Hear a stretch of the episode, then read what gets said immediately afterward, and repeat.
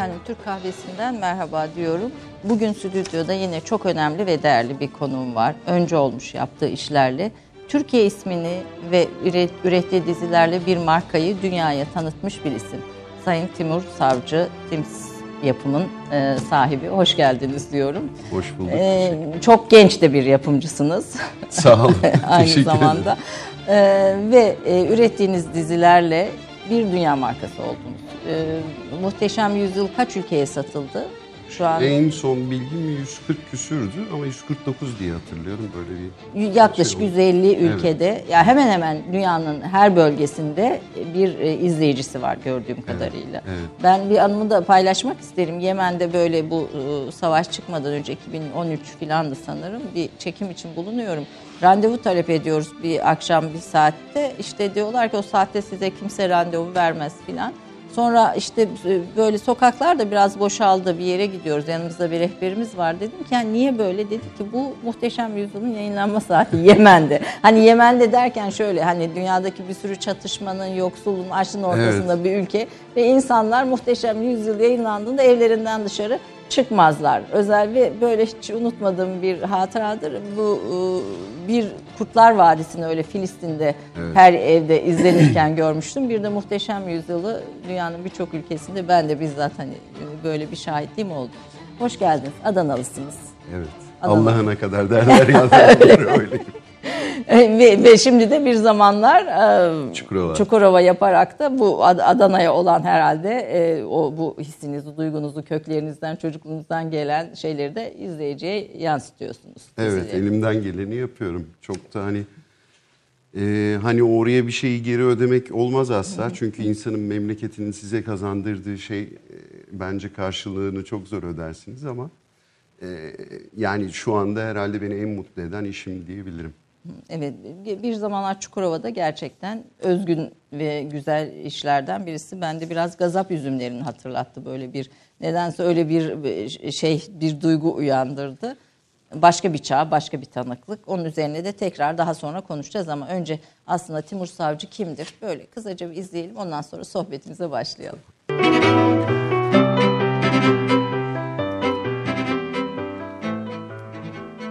Timur Savcı 1975 yılında Adana'da doğdu. Profesyonel yaşamına 1995 yılında reklam prodüktörlüğü yaparak başladı. Televizyon ve sinema kariyerine yürütücü ve ortak yapımcı olarak devam etti.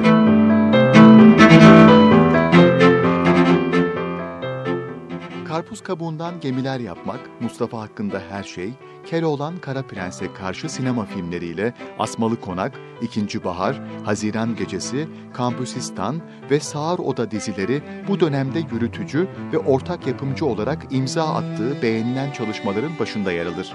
Timur Savcı 2006 yılında Tims prodüksiyonu kurdu ve o zamandan beri toplamda 19 televizyon dizisi ve 5 sinema filmine imza atan şirketin aktif olarak başkanlık ve CEO'luk görevini yürütmekte. 2006 yılında Nihat Durak'ın yönetmenliğinde gerçekleştirilen ilk aşk sinema filmi hem sinema severlerin hem de eleştirmenlerin takdirini kazandı.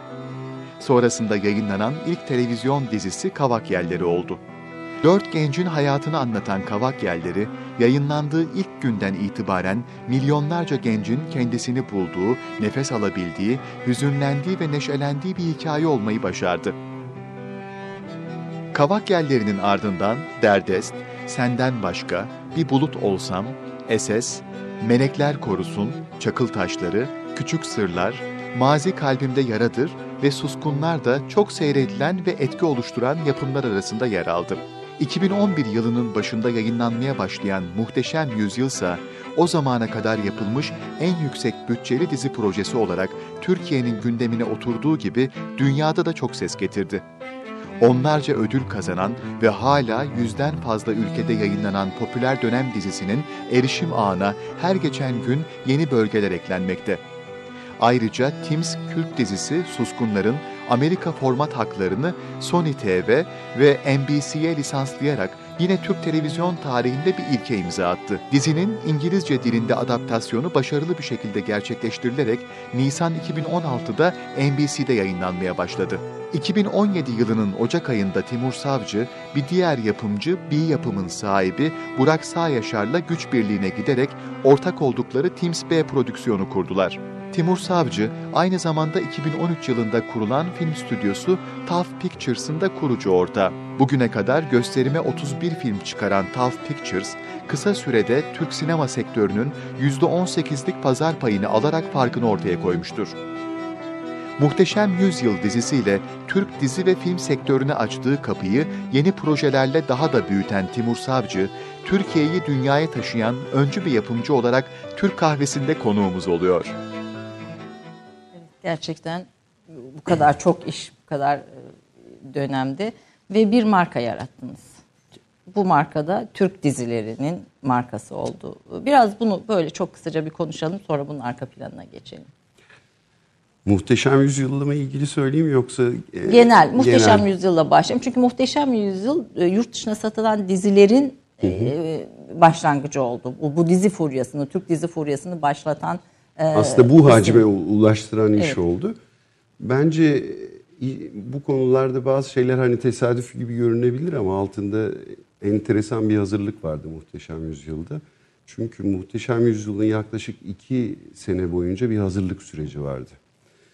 Ee, hatta rahmetli Meral Okay'la kalbimizin kırık olduğu, işlerden dolayı kalbimizin kırık olduğu bir dönem ne yapsak ne yapsak, ne yapsak da biz aslında neler yapabileceğimizi göstersek ama bütün dünyaya göstersek diye bir Hedefi, hayalimiz vardı, evet. hedefimiz vardı. Ee, işte bu fikirden ilk bahsettiğinde bana sadece hani fikir olarak yazılı bir şey yokken heyecanlandım bana iki kelime söylediğinde ve iki senelik gerçekten hani tarih danışmanlarıyla 200 kişilik bir ekip çalışmış bildiğim kadarıyla. Evet. Ön hazırlıkta tabii dönem dönem bir sürü insan katıldı. Bir kısmı ayrıldı, bir kısmı e, en başından hani iş oluşturulana kadar vardı. Fakat biz şunu yaptık. Mesela işte dünyada tarihi diziler, dönem dizilerine baktığımızda işte Roma'yı örnek verebiliriz, Tudors'u örnek verebiliriz. Onlar ne yapmışlardı bu kadar dünyada ses getirmişler, insanlar ilgiyle izlemiş. Biraz da buna da fokus olduk. Daha önce yapılmış Osmanlı işlerine baktık. Ee, hem televizyon işlerine hem filmlere baktık. Acaba hani bizim o ihtişamı göstermek için, onu böyle bu kadar dünyada havalı durmak için ne yapmamız gerekir diye gerçekten stilize bir çalışmaya da kafa yorduk. Büyük de bir para harcadınız tabii. Evet. Büyük bir bütçe. Bütün, bütün kostümler. Varımı, bütün şeyimi. Eğer tutmasaydı bugün belki konuşmuyorduk. yine konuşuyor olabilirdik bence. Siz de bu öncü ruh olduktan sonra yine konuşuyor olabilirdik. E, kostümler, mücevherler, e, ortam ve her şey çok özel bir tasarımla ortaya çıktı ama bir dünya markası da çıktı. Onun arkasından da Türk çok dizilerine şükür olan ilgi e, artmaya başladı. Satış fiyatları da yükseldi bildiğim kadarıyla. Evet. En önemlisi Muhteşem Yüzyıl şunu yaptı. Türklerin, Türk dizi endüstrisinin giremediği ülkelere kapı açtı. Mesela bunlar hangi? Bu 140 ülkenin hemen hemen bir 70 ülkesi öyle. Yani evet. tabii yani tek tek saymaya gerek yok ama e, hani çoğu bölge Orta Doğu ve Balkanların bir kısmı dışındaki ilk e, ülkelere ilk giren, ilk izletilen Türk dizisidir.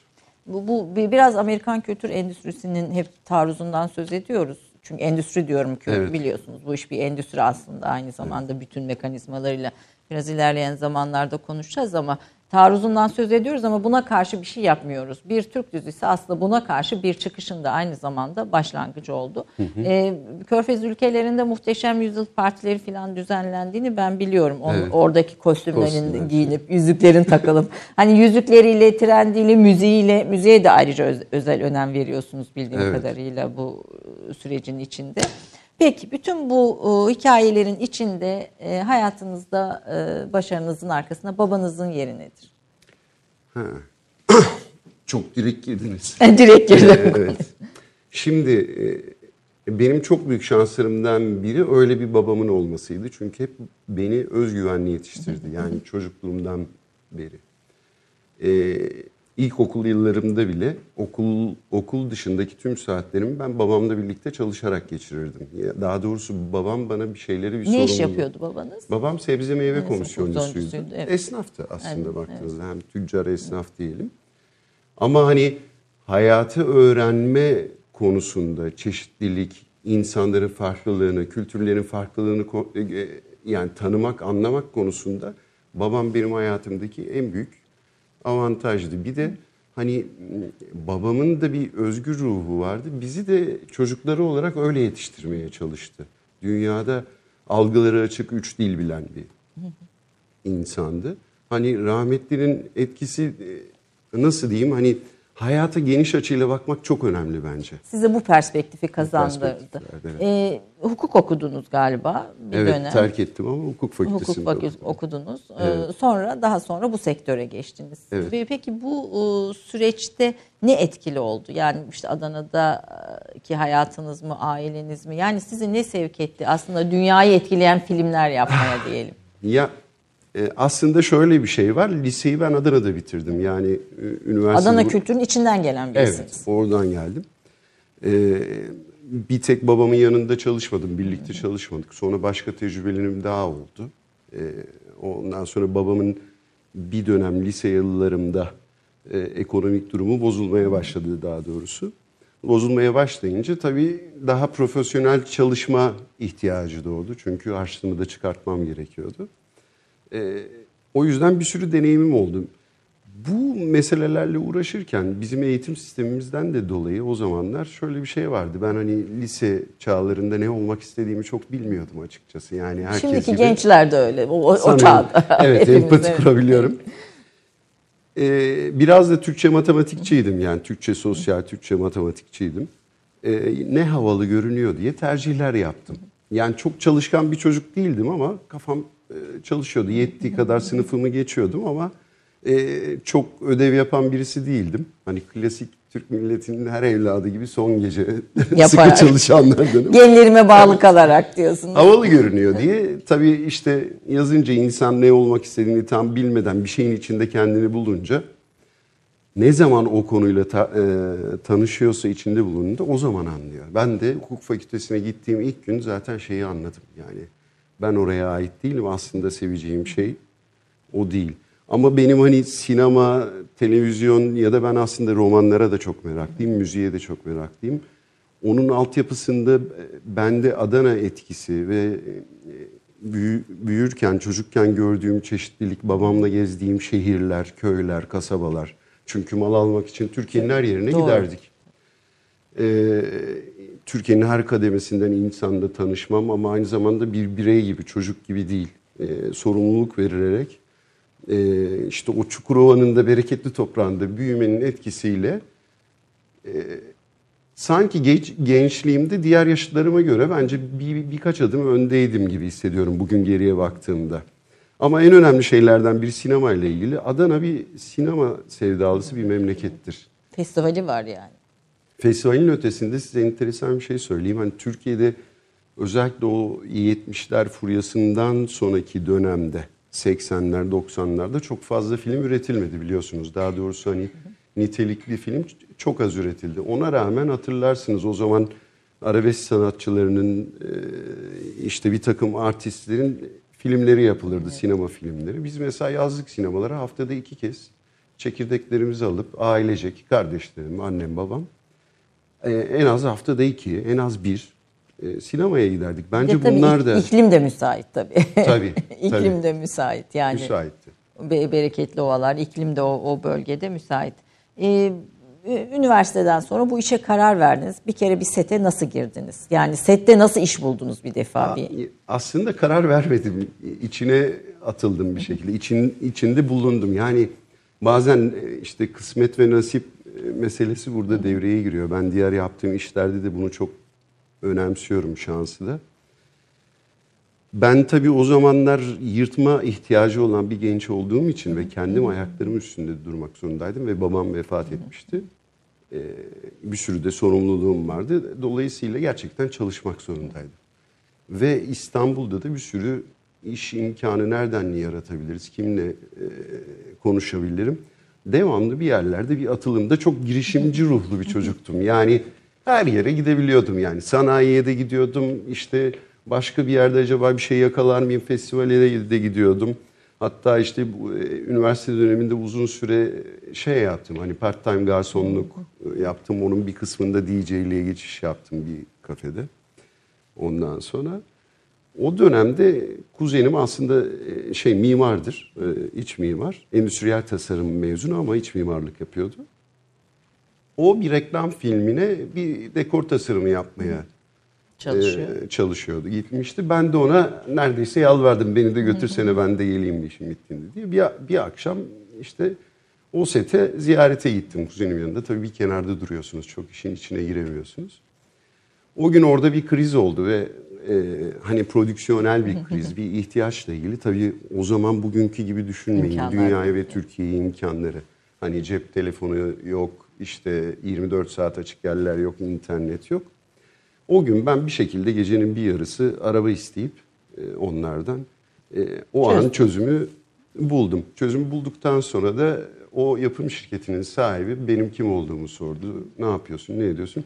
Sen part time bizimle çalışmak ister misin diye işte film endüstrisindeki ilk teklifimi aldım. Ondan sonra da hep bu süreçte e, devam ettiniz herhalde. Yani başka bir sektöre kaymadınız gene. Evet ama en alttan başladım. Yani runner'lıkla başladım. Hani e, şoförlükle e, ihtiyaç getir götür getir işlerine götür başladım. işleri. Sonra prodüksiyon asistanlığı, sonra prodüksiyon amirliği, sonra işte e, prodüktörlük ve devamı geldi. Ondan sonra da dünyanın en önemli yapımcıları arasında tür bir e, girdiniz. Gençlere de buradan söyleyelim. E, şimdi e, gençlerde şöyle bir şey var. Onlar bir anda hemen işte büyük yapımcı, büyük oyuncu, büyük senarist veya işte büyük avukat vesaire Evet. kendi mesleklerinin en önemlisi olmak istiyorlar. Fakat bütün bunların hepsi bir basamak basamak merdiven merdiven çıkılan yerler. Timur Savcı kariyer basamaklarından en altta sette e, getir götür yaparak başlayarak bugünlere gelmiş bir büyük yapımcı. Bunu da bir örnek hikaye olarak burada söyleyelim. Çok şükür. E, hayatınızda babanızın ayrı bir yeri var, e, hı. etkisi var. E, anneniz, annenizle nasılsınız ve eşiniz tabii biraz Eşim ve annem ikisini ikiye ayırmam lazım. Sanki ben çocukken de babama biraz daha yakındım ama herhalde teşviki mesaim daha fazlaydı ondandır. Ee, herkes annesini çok sever. Ben de tabii ki çok seviyorum annemi. Enteresan bir şekilde de annem en çok bana düşkündü çocukken. Hala da öyledir tahminimce. Ee, annemle babamın arasında çok ciddi böyle e, sosyal bakış açısından aslında ciddi farklar vardı. Türkiye'de hep olduğu gibi. Annem ilkokul mezunu. Çok hani evine düşkün bir e, ev hanımıydı. bir, bir Türk annesi. Evet bir Türk annesi. Tipik. Ondan sonra e, babam daha esprili, daha dünyayı takip etmeye çalışan ama tabii hani bir esnafın e, olabileceği kadar e, şeydi. İşte annem artık İstanbul'da. Tabii bizim o üniversite dönemimize kadar Adana'daydı. İşte babamın vefatından sonra ve Buraya geldi. e, evet yani kardeşim de İstanbul'a geldikten sonra ilk ilk dönem hatta kardeşim ve ben teyzemlere geldik İstanbul'a kalmaya. Kardeşim benden sonra geldi. E sonra tabii babam vefat edince ve burada da artık bir düzen kurabileceğimi anlayınca annem de İstanbul'a geldi. E burada işte bir hayat bir kurmaya hayat başladık. devam ettiniz. Eşinizi niye soruyorum? Çünkü e, e, önemli başarınızın arkasında Kesinlikle. yani mu- mutlaka bir eş e, etkisi var Olmaz ve mı? düzenli bir aile hayatı olan ve bu konuda da örnek Evet. olan bir yapımcısınız. Sağ olun. Çünkü bu, bu sizin sektörünüz diyeceğim. Hani bu sektörün içinde Kolay değil. Kolay değil bu. E, yani onu ve hepimiz biliyoruz sonuçta bir magazin dünyası var. O magazin Evet. dünyası da çok çeşitli ama siz hiç dedikodulara falan bulaşmayan son derece düzgün Aman aile hayatı. Üç evladınız var. Erkek Maşallah. galiba değil mi? Allah Ellerinizden bağışlasın. öper. Biraz e, onlarla olan ilişkinizi hem baba hem eşinizin sizin hayatınızdaki etkisini de öğrenelim. Biraz da kadınlar adına da bir şey yapalım. Bir, Bir kere duyalım. e, eşim hani kariyerimde muhtemelen etki, e, yani etkisi benden daha büyüktür diye düşünüyorum. Çünkü e, hani hiç böyle öylesine bir şeyden bahsetmeyeceğim. Biz eşimle Banu'yla yani en başından birlikte yola çıktık. Hani şöyle bir şey olmadı. Hani ben zaten yapımcı Timur Savcı'ydım. Sonra da istemeye gittik Banu'yla evlenmedik. Yani iki çıplak bir hamama yakışır derler. Biz tamamen kendi imkanlarımızla e, bir sürü taksitlere boğularak Kendi hayatta kalmaya çalışarak evet e, evlendik. Tabii ki ben o zamanlar e, işte freelance prodüksiyon amirliği, daha doğrusu prodüktörlük, yapım koordinatörlüğü yaptığım dönemde, evlendiğim dönem daha şirketim yoktu. Açıkçası şirket kuracak ve film ya da dizi yapacak param da yoktu. Yani on, onlar çünkü ciddi sermayeler. Fakat şeyi hissedebiliyordum. Ee, hani endüstrinin önemli insanları bana değer vermeye, hani fikirlerime değer vermeye ya da benim arkamdan koşacak e, bir kitlenin küçük küçük oluşmaya başladığını anlıyordum. Bana hani çok faydası olan abilerim de oldu, ablalarım da oldu. E, destek olan. Fakat buna cesaret etmeniz için size gerçekten inanan, Güvenen belki evde sadece soğan ekmek yemeyi gözü alabilecek bir kadın gerekiyor. Yani karınız eğer öyle olmazsa bu kadar cesur olamazsınız. Bana çünkü çok komik hikayelerim vardır. Bazı şeylerde geri adım atmamamla ilgili. Sen neyine güveniyorsun dediklerinde ben birkaç kere şu cevabı verdim. Eve döndüğümde yalan söyleyecek bir karım ve ailem yok. Evet. Yani e, en kısa yoldan böyle anlatmak isterim. Hani neredeyse çocukluk aşkıyız çünkü. O, o kadar da E, eskiye evet. dayanan. Evet, o kadar Banu eskiye dayanan. Savcı'yla evet. Evet. E, ve, ve tabii bu sektörün içinde bu ilişkileri sürdürmek, aile ilişkilerini sürdürmek de çok kolay değil. İşin kendisi zaten zor bir iş, büyük bir şey. İlk yapımınız hangisiydi? o aslında şöyleydi. Aynı anda iki şey birden yaptım. Bu Asmalı Konak değil herhalde değil mi? Değil. Onlar benim çalıştığım yani orada benim patronlarım vardı. E, Abdullah Oğuz'undu şirket ANS. Evet. E, Abdullah Bey'in yan Abdullah Bey'den sonraki insandı. Prodüktörü bendim Asmalı Konak. Yani işin operasyonunun başındaki kişi bendim. Patronum Abdullah Bey'di.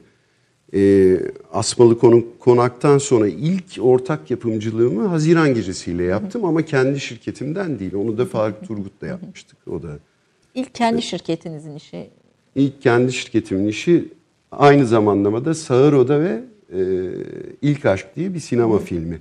Ama orada iç içe giren bir durum var. Aynı anda da kavak yerlerine hazırlanıyorduk ama ilk derseniz dizi olarak bence Sağır Oda.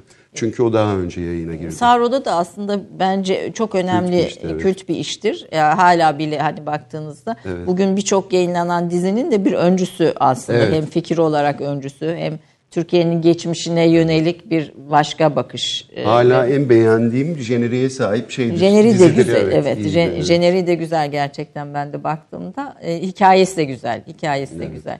Ee, hiç korkmadınız mı batarım diye? İlk, Ee, şöyle korkmak olur mu? İnsanın bacakları titriyor. Mesela Muhteşem Yüzyıl'dan örnek vereyim. İşte yıllarca gençlik dizileri yaptım. Daha küçük, naif, bütçeli işler yaptım. Ama hani çok şükür başarılı oldum.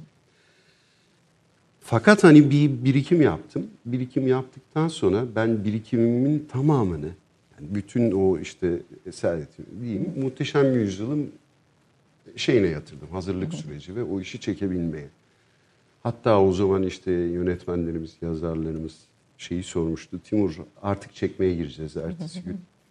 Eğer bu olmazsa ne olur dediklerinde ben yapacak bir şey yok sıfırdan başlayacağız demiştim. yeniden bir Yeniden başlayacağız. Evet. Şimdi orada da şöyle bir şey var. Benim aynı zamanda bacanağım bizim e, hem genel müdür yardımcımız hem de idari işler genel müdürümüz. E, Mücahit. Ben muhteşem yüzyılı yapıyorum diye küsmüştü bana. Neden? Çünkü öyle riskli de şey yapıyorum diye bana küsmüştü. Ben de tam ne demek istediğini algılamıyordum. Ben de bir böyle bir şeye inanıp peşinden koşmak vardır. Ama ilk dekorların dikme direkleri yapılır işte büyüklüğü görmeniz için. Ben oradaki büyüklüğü görmeye gitmiştim. Art direktörümüz, sanat yönetmenimiz aramıştı. Hani inşaat Gelin başlıyor, gelip bak biraz ilerliyor diye. İlk oraya gittiğimde işte o zaman Allah'ım ben ne yapıyorum oldum yani şey. Bunun e, altında bunu başaracak titredi. mıyım? Evet, bacaklarım titredi. İlk dönemlerde biraz daha kamikazeye gidiyordum. Yani tabii o ilk dönem korku var mıydı? Vardı ama müthiş de bir adrenalin de vardı. Acayip bir başarma arzusu vardı. ama samimiyetle gerçekten Gidiyor. çok çalıştım. Muhteşem Yüzyıl ve diğer diziler için de elbette beğenilerde ve eleştiriler alıyorsunuz ama en çok eleştiri herhalde Muhteşem Yüzyıl'da aldınız. evet. Çünkü bir tarihi bize bir kurmacı olarak yaşattınız, tüm izleyenlere yaşattınız. Doğrusu yanlışı hani bir sürü şey tartışıldı ama siz her zaman senaryosunu yazan Meral Okay'ın yanında durdunuz. Ve Evet. Onunla da çok yakın bir dostluğunuz var. Ee, aslında o tartışmalar e, nasıl etkiledi? Ee, biraz oradan, biraz da Meral Okay'dan konuşalım istiyorum. Hayatınızdaki önemli kişilerden birisi. Ya hayat şöyle enteresan. E, Bugün bu arada harika sohbet ediyorsunuz ve harika sorular soruyorsunuz. Teşekkür ederim. Yok gerçekten öyle. Beni duygusal olarak etkilediği için söylüyorum. Şimdi benim hayatımda beni derinden etkileyen, eksikliği derinden etkileyen herhalde işte üç insandan biri Meral abladır. Ee, Meral ablayla çok hani eski bir dostluğumuz var. İkimizin de gerçekten hani e, amiyane tabirle, sokak tabiriyle tırmalamak zorunda olduğumuz dönemlerden geliyor o e, dostluğumuz. Biz bu muhteşem yüzyıl hayalini kurduğumuzda dünyaya satacağımız ve Türkiye'nin hepimizin gurur duyacağı bir iş yapacağız idealiyle çıktık yola. Yani- Ve herkes bizimle gurur duyacak diye düşünüyorduk. Fakat sonra ilk daha fragmanlar çıktı. Öyle bir duvara çarptık ki nereden geldiğimizi şaşırdık. Çünkü daha dizi yayınlanmadı. Acayip bir eleştiri bombardımanı. Ee, e, özellikle bir kesimden yanlış anlaşılmış bir şey yapmamamıza rağmen hani yanlış anlaşılacak şekilde hedef gösterme, bir takım ithamlarda bulunma gibi bir durum vardı. Aslında çok değerli bir sürü e, kendi sosyal görüşü olarak, hayat ideali olarak farklı yönlerden bakabilen birçok değerli tarih danışmanıyla Tabii, çalışıyorduk. Yani Afyoncu kendi var, başımıza Deniz bir iş yapmadık. Evet. Evet. Deniz Bey vardı, Erhan Evet. Erhan Bey vardı, işte Gürhan Bey vardı. İlk başında ilk önlerini Meral Hanım e, rica etmişti İlber Bey. İlber Bey'in bayağı bir İlber Bey yönlendirmesi vardı, bir var. yönlendirmesi vardı. Biz tabii önce duygusal olarak çok üzüldük duruma. E, fakat biz yanlış bir şey yapmadığımızı biliyorduk. Biz e, ama şunu şunu e, çok iyi bilmiyormuşum o zaman. Tabii hayat size bunu öğretiyor. E, yaşım da genç. Hani şunu biliyordum.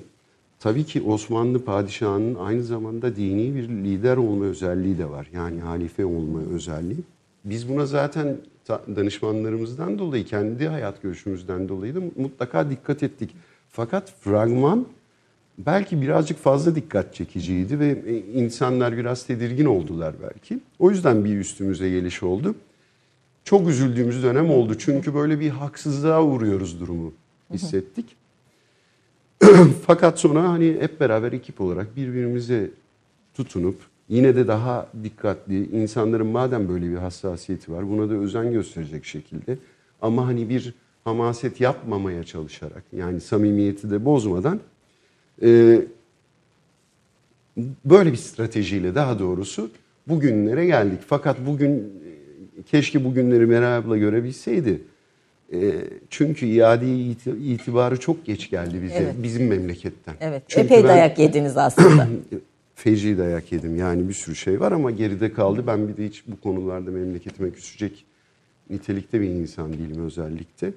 Ama mesela o dönem şöyle oluyordu. İşte ihracat ve işte dünyada kıyameti koparırken muhteşem yüzyıl. İşte Los Angeles'a gittim. Orada Universal'ın işte televizyon production'larının bir şirketi var UCP. Onun işte vice president ile toplandık. Beni stüdyoların kapısında karşıladılar. İşte çıktık. Adam bana ilk sözü dediler ki size herhalde e, devlet nişanı verdiler ya da devlet şeyiyle karşılıyorlardır onlara. Ben içimden dedim ki yok sadece dövüyorlar. dövüyorlar. Sadece dövüyorlar. Başka bir şey yok. Sonra hatta çok komik bir şey olmuştu. Son yıllarında muhteşemin Ankara'ya bir toplantıya gitmiştik. İşte o zaman bir e, e, şey bakan yardımcımız bana demişti ki Timur Bey nasıl hissediyorsunuz? İyi misiniz kendi? İyi hissediyor musunuz? İyi misiniz dedi bana. Ona dedim ki e, Kemal Sunal'ın bir filmi vardı. Hani bana şeyi getirin diyordu. Unuttum şimdi ama tokatlamak istediğimde ama yanından da Evet, ayırmak evet, istedim. süt olan şey, süt muhtemelen o süt olan hikayesi. Ee, fakat- Kendimi öyle hissediyorum Hissediyor, Sayın Bakanım kadar. dedim. Öyleydi ama geride geriye baktığımda şimdi bu hazırladığınız videoda arkadaşlarımıza teşekkür ediyorum. Çok güzel hazırlamışlar. Ee, onu görünce de insan tabii duygulanıyor. Yani sonuçta bu diziyle birlikte Türkiye'ye gelen Arap turist sayısında %350 artış oldu. Sadece dizi yayınlandıktan bir yıl sonraki rakamdan söz ediyorum. Yani evet. şimdiki evet. Sonra şimdi- etkisi çarpanı Türk dizilerinin çok büyük. Diğer diziler de güzel işler yaptı sonrasında. Ama mesela enteresan bir şey söyleyeyim size. Osmanlı dizisi Muhteşem Yüzyıl yapıldıktan sonra Osmanlı İmparatorluğu ile ilgili tarih kitapların çarpanı iki senede 1'e 20. Yani satış oranları. 1'e 20 İlk- arttı. evet, yani aslında 1'e bu 20 dizi arttı. aynı zamanda okumayı da etkiledi. Yani Türk toplumunda tarihe olan merakı ve En okumayı da azından arttırdı. merak ettirdik. Diyelim ki hani bizim ele alış biçimimizi beğenmeyenler olabilir. Doğal bu hayatın her şeyinde olabilir. Ama merak ettirdik böyle bir faydamız oldu. Yoksa hatırlayın biz şöyle bir E, tedrisattan... Pargalı'yı nereden bu, bu kadar bilecektik diyelim. Yani o kadar sadece ana karakterler değil, detay karakterlere ilişkin de toplumda bir araştırma ruhu da ortaya çıktı. Tabii bir de bizim e, işte okuma şeyimiz, tedrisatımız, Milli Eğitim Bakanlığı'nın işte biz, biz çocukken okuduğumuz şey Osmanlı ile aramızda çok mesafe vardı. En azından buna bile faydası oldu. Hepimizin kafasında artık bir geçmişimizde evet bizim atalarımız Osmanlı İmparatorluğu'ndan da geliyordu. Evet Atatürk de bizim atamız, liderimiz ama işte Fatih de, Abdülhamit de, Yavuz da. Ben öyle bakıyorum hayata. Ve onlar da e, tabii Evet. e, sonuçta Kanuni Osmanlı'nın en güçlü olduğu yer. Bir defa o Muhteşem Yüzyıl ismi de e, Evet. Meral Hanım'ın herhalde değil Evet. mi? Meral Okay'ın Evet. şeyi çünkü senaryo ve hikayede e, onun. E, Muhteşem Yüzyıl ismi de çok yakışıyor. E, tabii Osmanlı'nın en en güçlü olduğu bir döneme bir bakış ortaya koydunuz. Çünkü kurmaca sonuçta tarihi bilemeyiz ama Tabii. siz bir o kurmacanın içinde bir sürü e, tarihi olan merakı artırdınız. Türkiye'yi tanıttınız. Ba- Başka ba- başka bir dünya, başka bir atmosfer ortaya çıktı. E, Kösem geldi onun devamında. E, Kösem mi e, şey mi? Birinci bölüm mü, ikinci bölüm mü diyeyim Muhteşem Yüzyılda daha doğrusu Hürrem mi? Tabii ki. Her şeyin İlki- ilki, ilki- güzeldir, unutulmaz. Zaten e, performansı da farklı. Yani ilkinin performansı Kösem'e göre izlenme performansı daha iyi. Özellikle Türkiye'de. Dünyada Kösem yine iyi. E, fakat teknik kalite insan içinde olunca anlamıyor. Geriye bakıp izlediğinizde şunu görüyorsunuz. Teknik kalite işte ışık, görsel, işte kameraların şey, e, sürümleri ya da yeni şeyler değiştiği için teknik kalitesi Kösem'in biraz daha yüksek. Tabii biraz daha o arada Evet, çünkü geçen arada bir beş sene var. bir, bir, bir beş sene ama Kösem'le de birçok ödül aldınız Evet, diğer çok şükür, diğer evet. taraftan e, dünya çapında. Efendim kısa bir reklam arası e, gündemdeki konuları konuşmaya devam edeceğiz, başlayacağız. Bir dakika reklam arası. Romandan şiire, tarihten düşünceye, klasik metinlerden özel edisyon çalışmalarına kadar geniş bir yelpaze ve yüksek bir frekanstan yayın yapmayı hedefleyen Ketebe, şimdiden Türk kültür hayatında kalıcı ve önemli bir yer edindi. Edebiyatımızın seçkin eserlerine, genç kalemlere, tarihimizin engin zenginliğine, dünya edebiyatının hem güncel hem de klasik metinlerine, düşünce dünyamızın, maneviyat tarihimizin köşe taşlarına ve gün yüzüne çıkmamış değerlerine ev sahipliği yapmak, Ketebe'nin yayın politikalarının omurgasını oluşturuyor. Dünya standartlarında bir yayıncılık anlayışı ve deneyimli kadrosuyla yola çıkan Ketebe yayınları, kitaba, kağıda ve söze hürmet eden bir medeniyetin parçası olarak her şey geçer, yazı kalır diyor. Reklam arası sona erdi. İkinci bölümündeyiz. Konumuz Timur Savcı. Televizyonlarını yeni açanlar için söyleyelim. Türk dizilerini dünyaya satarak Türkiye'yi bir marka yapan bu konuda e, isimlerden, öncü isimlerden birisi Timur Savcı. Zaten Türk kahvesinde biz konuklarımızın bu ön açıcı özelliklerini çok önemsiyoruz. Çünkü Türkiye'nin böyle fikirlere, böyle insanlara ihtiyacı var. E, uzun süre yazarları konuk ettik. Yazarlar fikir dünyamızı çok etkiliyorlar ve değiştiriyorlar ama artık yapımcılar izlediklerimiz fikir dünyamızı etkiliyor ve değiştiriyor. Bu nedenle bir yapımcının dünyasını, e, insani yönünü, izlediklerimizin ötesinde insani yönünü ama sonuçta yapılan işi de harmanlayarak e, burada aktarmaya çalışıyoruz. Sizi en çok etkileyen iş hangisi oldu? Şimdi etkileyeni ikiye ayırayım ben. Yani duygusal kalbiniz, kalbiniz diyelim. kalbimi etkileyen bence suskunlar. Hep suskunların ben de hep ayrı bir yeri var. Neden bilmiyorum. Yani bir çocukluk hikayesiyle başlıyor ve böyle paralel bir hikayeyle bir çocukluk bir şimdiki zaman geçiyor. O çocuklara bir şekilde çok bağlanmıştım ben karakter olarak. Ee, Ve dünyaya da sattınız Suskunları. İlk ilk Evet. dizi formatı değil mi dünyaya satılan Suskunlar? İlk Türk dizi formatıdır. Yani onun Amerikan versiyonunu Amerikalılar çektiler ve yayınladılar Var mı şu anda başka böyle sattığımız format? Tek mi hala? Yok opsiyonlanan oldu ama hayata geçen olmadı. E, hala tek ki bu da çok büyük bir başarı. Evet, Yani evet. çok bir kült dizi. O da bir ilk evet. İlk ve kült bir dizi olmuş olması da burada e, önemli bir şeydi. E, en çok saygı duyduğunuz kişiler kimler? Kar- Şimdi bu kadar insan, bu kadar e, karakterin ortaya çıkmasına vesile olunca sizin de bir karakter testiniz vardır mutlaka. Evet, Gelen aha. insanlara var mıdır böyle yani şundan adam olmaz veya şu birisi şöyle yapıyorsa bu olmaz veya gelen hikayelerde bu bu anlamda karakterlere yoğunlaşır mısınız? Ve sizin şeyiniz karakter testiniz nedir? Benim ilk kuralım samimiyet. Yani o olmadı mı benim insanlar için de öyle, yani karakterler için de öyle, işlerim için de öyle. Samimiyet olmadı mı zaten çöküyorsunuz. Ben de samimi his almadığım biriyle isterse sonunda hani milyonlarca dolar olsun ben iş yapmayı tercih etmiyorum. Çünkü e, geçmişimde de çok örnekleri oldu. Benim için hani ilk kavram bu diye bakıyorum. Onun dışında da herhalde merhamet gelir diye düşünüyorum. Samimiyet ve merhamet karakter testinizde demek ki Evet. sizin için önemli Evet. e, şeylerden birisi. E, Söz dizisi biraz milli milliyetçilik üstünden de ve başka bir Evet. Türkiye'yi başka bir dünyayı yine bize aktarıyor. E, kendinizi milliyetçi bulur musunuz? Hem de çok. Hem de çok. Vatan bunu sizin için ne yerde ifade söylemek- eder? Vatan ana kucağıdır bir. İkincisi e, mesela biliyorsunuz bu Suriyeli mülteciler meselesinde her kafadan bir ses çıkıyor. Mesela ben onlarla empati kuruyorum. Düşünsene bir gün vatansız kaldığınızda. Ne yaparız? Hele ki imkanınız yoksa ne yaparsınız? Eviniz bombalanıyor Evet. ve bir, bir Ee, gidecek çocuklarınızın yok. hayatı tehlikede gidecek yeriniz yok, yiyeceğiniz içeceğiniz yok. Benim için vatan yani o konuda hani hiç şeyimin olmadı. Yani mesela vatansa gerisi teferruattır. Ama bunu bir faşizm tarafından söylemiyorum. Bunu gerçekten hani milliyetçi bir taraftan söylüyorum. Ee, diğer bir sorunuz vardı onu da hazırlanıyorum. Sözle ilgili söyleyeyim. Sözü de yapmamızın bir amacı var. Tabii benim işte videoda bahsedildi. iki senedir sevgili Burak'la, kardeşim gibi Burak Sağyaşar'la ortağız. Dizileri beraber yapıyoruz. E, filmleri de Cemal Okan'la beraber yapıyoruz. O da TAF diye bir şirketimiz var, sinema filmleri.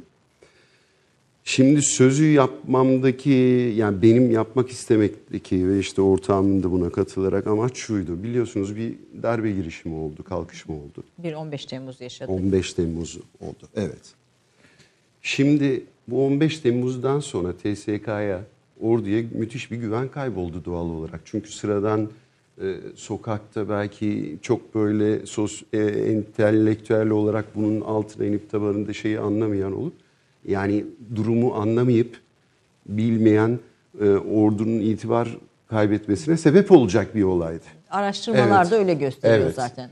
Ben de buna nasıl bir e, önlem alırız, destek veririz kendi mesleki açıdan biz ne katkıda bulunuruz bu memleketin ordusuna tekrar o güveni tamamen e, tazelemek için bizim tuzumuz ne olur diye biz yola çıktık. O yüzden de bir kuralımız vardı. Yaparken biz böyle hamaset üzerinden değil şundan bizim artık birlik olma zamanımızdı. Yani kimsenin ocu şucu bucu diye ayrılması değil. Bu memleket için eğer hani iyi bir şey yapılacaksa yani din, dildir, ırk fark etmeden TSK'ya öyle bir şey verecek bir eser demeyeyim ama hani herkese de evlere girebilecek, ulaşabilecek bir şey yapmak lazımdı.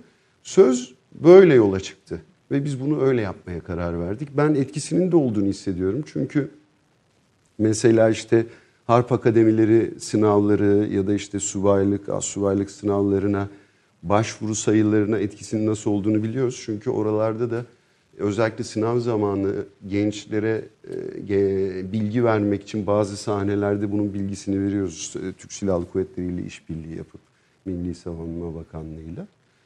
Hikayeler- Söz böyle yola çıktı. Hikayeleri de için destek alıyorsunuz herhalde değil mi? İçerideki senaryo. Açıkçası oralar biraz kurgu ama danışmanımız var Abdullah Bey. Abdullah Ağar. Ee, şöyle yaptığımız şeyde hani iyi bir şey yapmaya çalışırken yanlışlıkla kötü bir şey yapmayalım diye tabii ki bazen hani e, önerilerini, eleştirilerini alıyoruz ama bu bir dizi film, eğlencelik bir ürün. Her şeyi de çok ciddiye almak, almak değil, gerekir. sevmeniz için yapıyoruz. E, tabii bir- ama sonuçta e, eğer ve harp akademileri vesairesine yani bu bu anlamda başvuruyu artırıyorsa toplumsal etkisi de Tabii. çok büyük. Yani izleyenler için de büyük ve biraz da tabii Türk ordusunun gücünü, yapılanları, Aynen e, yani öyle. kullanılan teknoloji de dahil olmak üzere Tabii. işte bölgedeki bir sürü savaşılan unsur var. O unsurlarla mücadele etme Aynen yeteneği, öyle. İnsan karakteri bütün bunları aktarma noktasında da etkili ve önemli. E, Abdullah Ağar da bu konularda çok kıymetli. Türkiye için e, büyük bedeller ödemiş. Evet. Ülkesi için çalışmış bizzat. Ölümden dönmüş. Kaç kere birisidir. Onun e, da diziye ayrı bir ruh kattığını düşünüyorum. Sizin ama zaten çalıştığınız senaristler hep çok özel. Meral Okay çok özel bir senaristti. E, şeyde e, şimdi bir, bir zamanlar Çukurova'da da Ayfer Hanım'la herhalde çalışıyorsunuz. Ayfer Tunç, sevgili Ayfer Tunç. Edebiyatçı olduğu için ona ayrıca saygı duyuyorum. Ben Benim için Meral abla da öyleydi rahmetli. Bir de Ethem kardeşimiz var. O da yeni e, akım yazarlarda çok beğendiğimiz Ethem Özışık. Bu edebiyatçı olması ne katıyor? Yani siz aslında orada e, e, bir fark görüyor musunuz? Senaryo yazarı, Görmez edebiyatçı. olur muyum? Şimdi genç yazarlar tecrübe edinmek için bizim işte bu usta yazarlarımızın yanında ekiplerde yer alıyorlar. Aralarında gerçekten potansiyeli olan değerli arkadaşlarımız var ama genelde gördüğümüz şey şu az okuyorlar.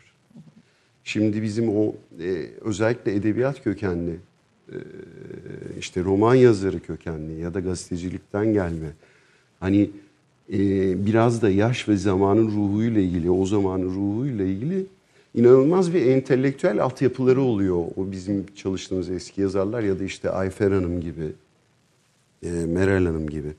Fakat şimdi yeni yazarlarda gördüğüm en büyük handikap şu. Biz mesela ben ona bir çok klasik bir edebiyat eserinden örnek veriyorum bir konuya örnek olması için şey için falan. Bazen böyle yüzünüze boş boş bakıyorlar. O da ne öyle? Evet, Siz de iyi, iyi şey. bir okursunuz anladığım kadarıyla. Fena değilim. Artık şimdi çok gereksiz şeyler okuyorum. Ne okuyorsunuz mesela gereksiz? Ben mesela şeyi çok severim. Hani yakın siyasi tarih severim. E, Dünyadaki işte komplo teorileriyle ilgili analizler onları severim. Bir de saçma sapan mühendislik ve teknik e, şeyler okuyorum. Eskiden daha çok roman ağırlıklı şeyler okurdum. Özellikle lise yıllarımda e, ablam benden daha iyi bir okurdu. Ablam doktordur. Ondan sonra o yani müthiş bir okuyucuydu. O devamlı bana işte bir şeyleri bir şeyi okuduktan sonra o benim bir eleme süzgeçim gibiydi. Sen bunu çok seversin bunu mutlaka oku falan diye giderdi. İşte e, lise, üniversite ve üniversiteden hemen sonrasında çok okudum ama sonra bir nedense roman çok az okuyorum artık.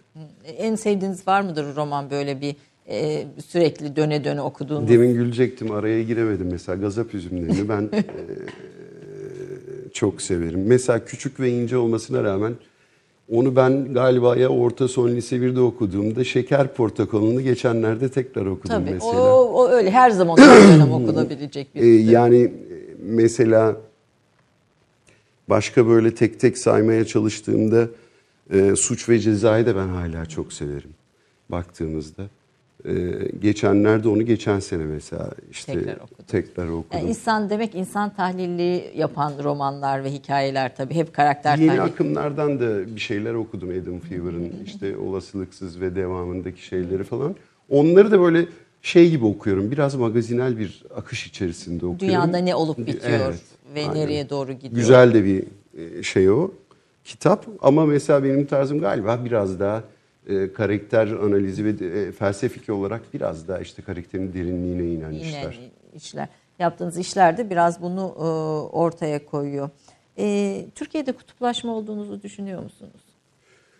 Vallahi son dönemde kutuplaşmayla ilgili yakın çok yakın dönem demeyeyim ama öncesinde çok öyle bir, bir takım gelişmeler oldu maalesef. Ee, ama özellikle şu aralar yani belki son 7-8 ay son bir senedir falan hissettiğim bu konuda bir tatlı güzel gelişmeler var diye. Yani siz yapımcılar olarak yani e, dizi ve sinemada dahil olmak üzere bu, bu kutuplaşmayı giderme noktasında bir çabanız oluyor mu? Veya azaltma veya etkiyi. Ben bunu bunu sadece kendi adıma karar şey e, cevap Elbette. verebilirim. Benim yüzde yüz oluyor. Mesela bizim sözdeki tim elemanlarına bile baktığınızda Hani biri Güneydoğuludur. İşte birisi daha e, dindardır. Birisi daha e, komik ama işte Karadeniz tarafındandır. Ama onların hepsi bir, bir arada kardeş gibidir. Biz bunu bilinçli yapıyoruz mesela. Çünkü biz böyle bir rengiz. Bizim tarihimiz de böyle. Ben hani buna çok dikkat ediyorum ve işte bir şeyleri ötekileştirme, işte e, taraftarı değilim bize hiçbir zaman fayda getirmez. Sözde de o yüzden hep böyle düşmanlarımızın üstü bile şeydir hani hep dış miraklar birileri var falan ama hani bir Bizim kendi insanımız güzel. bizim bizim kendi insanımızın bir ırkından ya da dilinden tercihinden dolayı üzerine alınabileceği bir şekilde bir kötüleme ötekileştirme yapmamaya özen gösteriyoruz. Şimdi de- dinlediğim kadarıyla tabii program öncesinde de sohbet ediyoruz. Şimdi sizlerle ilgili tabii bu yapım dünyası sanat çevreleri büyü- büyülü ortamlar ve büyülü ortamlar büyülü ortamlara ilişkin ön yargılar var. Evet. Bunlar da sizin biraz daha elitist takıldığınız veya işte beyaz Türklüğünüz Evet. veya işte Türkiye'yi anlay- anlamamanız tabii anlamasanız bu Türkiye'yi anlatan Evet. dizileri yapmanız da mümkün olmaz ama bununla ilgili bir sürü ön yargıyla sataşmayla da karşı karşıya elbette Evet, evet. E, elbette kalıyorsunuz ama benim gördüğüm başka bir resim var. Yani siz bu toprakların içinde yetişmiş ve bu toprakların duygusunu taşıyan birisiniz. E, hep e, Recaizade Ekrem'in e, Araba, Araba Sevdası'nda Sevdası. Behlül karakteri vardır. Hani Evet. böyle sürekli Fransızca Çok konuşmaya severim. çalışan. Hani Behlüller hep var elbette hayatta. Yani Evet. hep batıya bakan, hep batıdan Türkiye'ye bir bakış ortaya koyan. Siz o kendi milli duruşunuzu ve bakışınızı aslında ve biraz açar mısınız bir nebze daha? Ee, şöyle ya şimdi ben yani yüzde yüz bu memleketin çocuğuyum ve ben buradan beslendim. Bu insanlardan, bu kültürden, bu topraklardan beslendim. Ve bundan mono olarak da beslenmedim. Hani Bir sürü kanaldan beslendiniz. Evet. Yani tek bir kimlik e, üzerinden, tek bir kültür üzerinden beslenmedim. Bir. Zaten bu hani yapımcıların, insanların kafasındaki paradigmada enteresan bir yeri var. Yıllarca herhalde şey sanıyorlar. Hani biz buzlu badem, elimizde şampanyalar, bütün gün mankenlerle dans ediyoruz. Ben tam onu söyleyecektim aslında. Hani siz söylediniz. hani böyle tam da böyle zannediyorlar. Ya çok Ya ağır böyle misiniz bir defa orada? Ben değilim. Çoğu da öyle değil. Çünkü hepsi meslek birliğinde, yapımcılar derneğinde beraber iş üzerine konuştuğumuz ya da işte bu endüstriyi geliştirme üzerine ya da sorunlar üzerine konuştuğumuz abilerim, arkadaşlarım. Şimdi o algıyı şu yarattı. Şimdi eskiden Yeşilçam döneminden itibaren özellikle yapımcılar dışındaki e, bu endüstriyi oluşturan diğer değerli meslek grupları, oyuncular olsun, yazarlar olsun, ışıkçısı olsun, teknik adam olsun, müzisyen olsun, daha böyle kurumsal olmadan ve ileride işlerini sürdürebilecekleri bir yatırım ve bakış açısı olmadan, yapımcılarda öyle bir bakış açısı. Sanki birkaçını tabii tenzih ederim. Türker abiye saygılarımı sunuyorum buradan hani e, Türker İnanoğlu'na. Ama onun dışında neredeyse geçmişten gelip kalıcı olan Kimse ve buna uzun ömürlü bakan kimse olmadı. Ee, ve gerçekten bu işlere zamanında bundan yıllar önce gönül vermiş ama sonra gerçekten ekmeğe muhtaç olmuş ya da hayatının başka e, kendi mesleği dışında bir sürü işten kazanmak zorunda kalan. Bu da sorun değil ama e, o eski itibarı hak edecek bir geri dönüşün yapılmadığı bir durum Sektör, ortaya evet. çıkmış. Sektör var. Şimdi oradan gelen bir yapımcı kalıntısı ve bu İmajı var. medyada da öyle, halkta da öyle bir imaj vardı. E üstüne tabii son dönemde hatırlıyorsunuz bir oyuncular çok ah, işte hakkımız yeniyor, telif alınmıyor falan. Setlerde bizi köle gibi çalıştırıyorlar filan gibi. yani şimdi bunu burada o tartışmalara girmek Evet. istemiyorum. Çünkü ama şöyle yani bunların müsebbibi bizlermişiz gibi. Sanki hani biz insanları hani bu elmas işçilerini suistimal eden patronlar gibi gösterilmeye Güney, çalışıldı. Güney Afrika'nın Şimdi şöyle enteresan gibi. bir durum oluyor. Bakın bu endüstride en çok vergi veren biziz. Bunu herkes bilir. En çok derken neredeyse tek vergi veren biziz. Yapımcılar. Sanatçıların çoğunun bir takım muafiyetleri var. Gelir vergisi dahil olmak üzere. Ve onların stopajını dahil biz öderiz. Üstüne üstlük bizim dizi endüstrisindeki maaşlar, haftalıklar bizim normal dışarıdaki hayatın o e, rayiçin çok üstünde. Şimdi bu da şu tabii tabii ki her zaman sürdürülebilir bir iş değil. İşin doğası o değil. Çünkü dizi tutarsa devam ediyor, tutmazsa devam etmiyor. Şimdi bazı hepsinin için söylemiyorum ama bazı sanatçılar var şöyle. Hiç vergi de vermesinler istiyorlar. Hiç kayıtlı bir şeyleri de olmasını istiyorlar. Ee, hem de çok çalışmaktan da şikayetçi oluyorlar. Bugün bizim dizi setleri iki minimum iki e, ya da üç ekipten oluşuyor. Yani eskiden biz dizileri evet daha kısaydı. E, bir ekiple çekerdik ama şimdi bütün diziler iki yönetmen, üç ekip. Yani part yani dönüşümlü olarak. Ayrıca oyuncularla Ayrıca. da ilgili şunu söyleyeyim. Çok nadir projede başrol oyuncuları bütün sahnede olabilir. Zaten mümkün değil o. Yani şöyle düşünün. Teknik ekibinin çalışma mesaisi daha yoğun görünebilir ama onları da üç Ayrı parça vardiya, böldük. vardiya Üç parçaya sistemi- böldük. Vardiya Evet. sistemiyle dönüyor. Evet.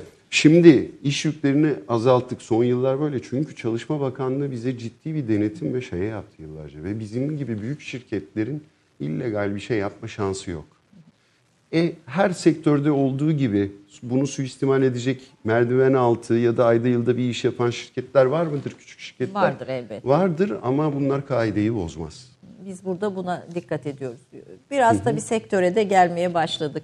Netflix'le birlikte e, bir başka pencere açıldı aslında. Evet. Bir buluş da diyebiliriz yani işte di- dizi, sinema salonları, yayın kanalları, televizyon kanallarının yerine alternatif bir başka mecra çıktı. İşte Pay TV denilen bu ödemeli Evet. kanalları da pay kes- e, kesici deniyor onlara o hatta o, o, Evet. ka- o kanal kesici tabiri de kullanılıyor Netflix için. Yeni bir dünya ve yeni bir buluş. Biraz bunun geleceğinden aslında bu yayın dünyasının geleceğinden ve biz bu kültürel savaşların içinde e, bu geleceğe nasıl bakmayız kısmından e, başlayalım istiyorum. Bir defa bu son dönem kavgaya Yılmaz Erdoğan'ın da içinde olduğu Netflix'e film satılma kavgasına nasıl baktınız?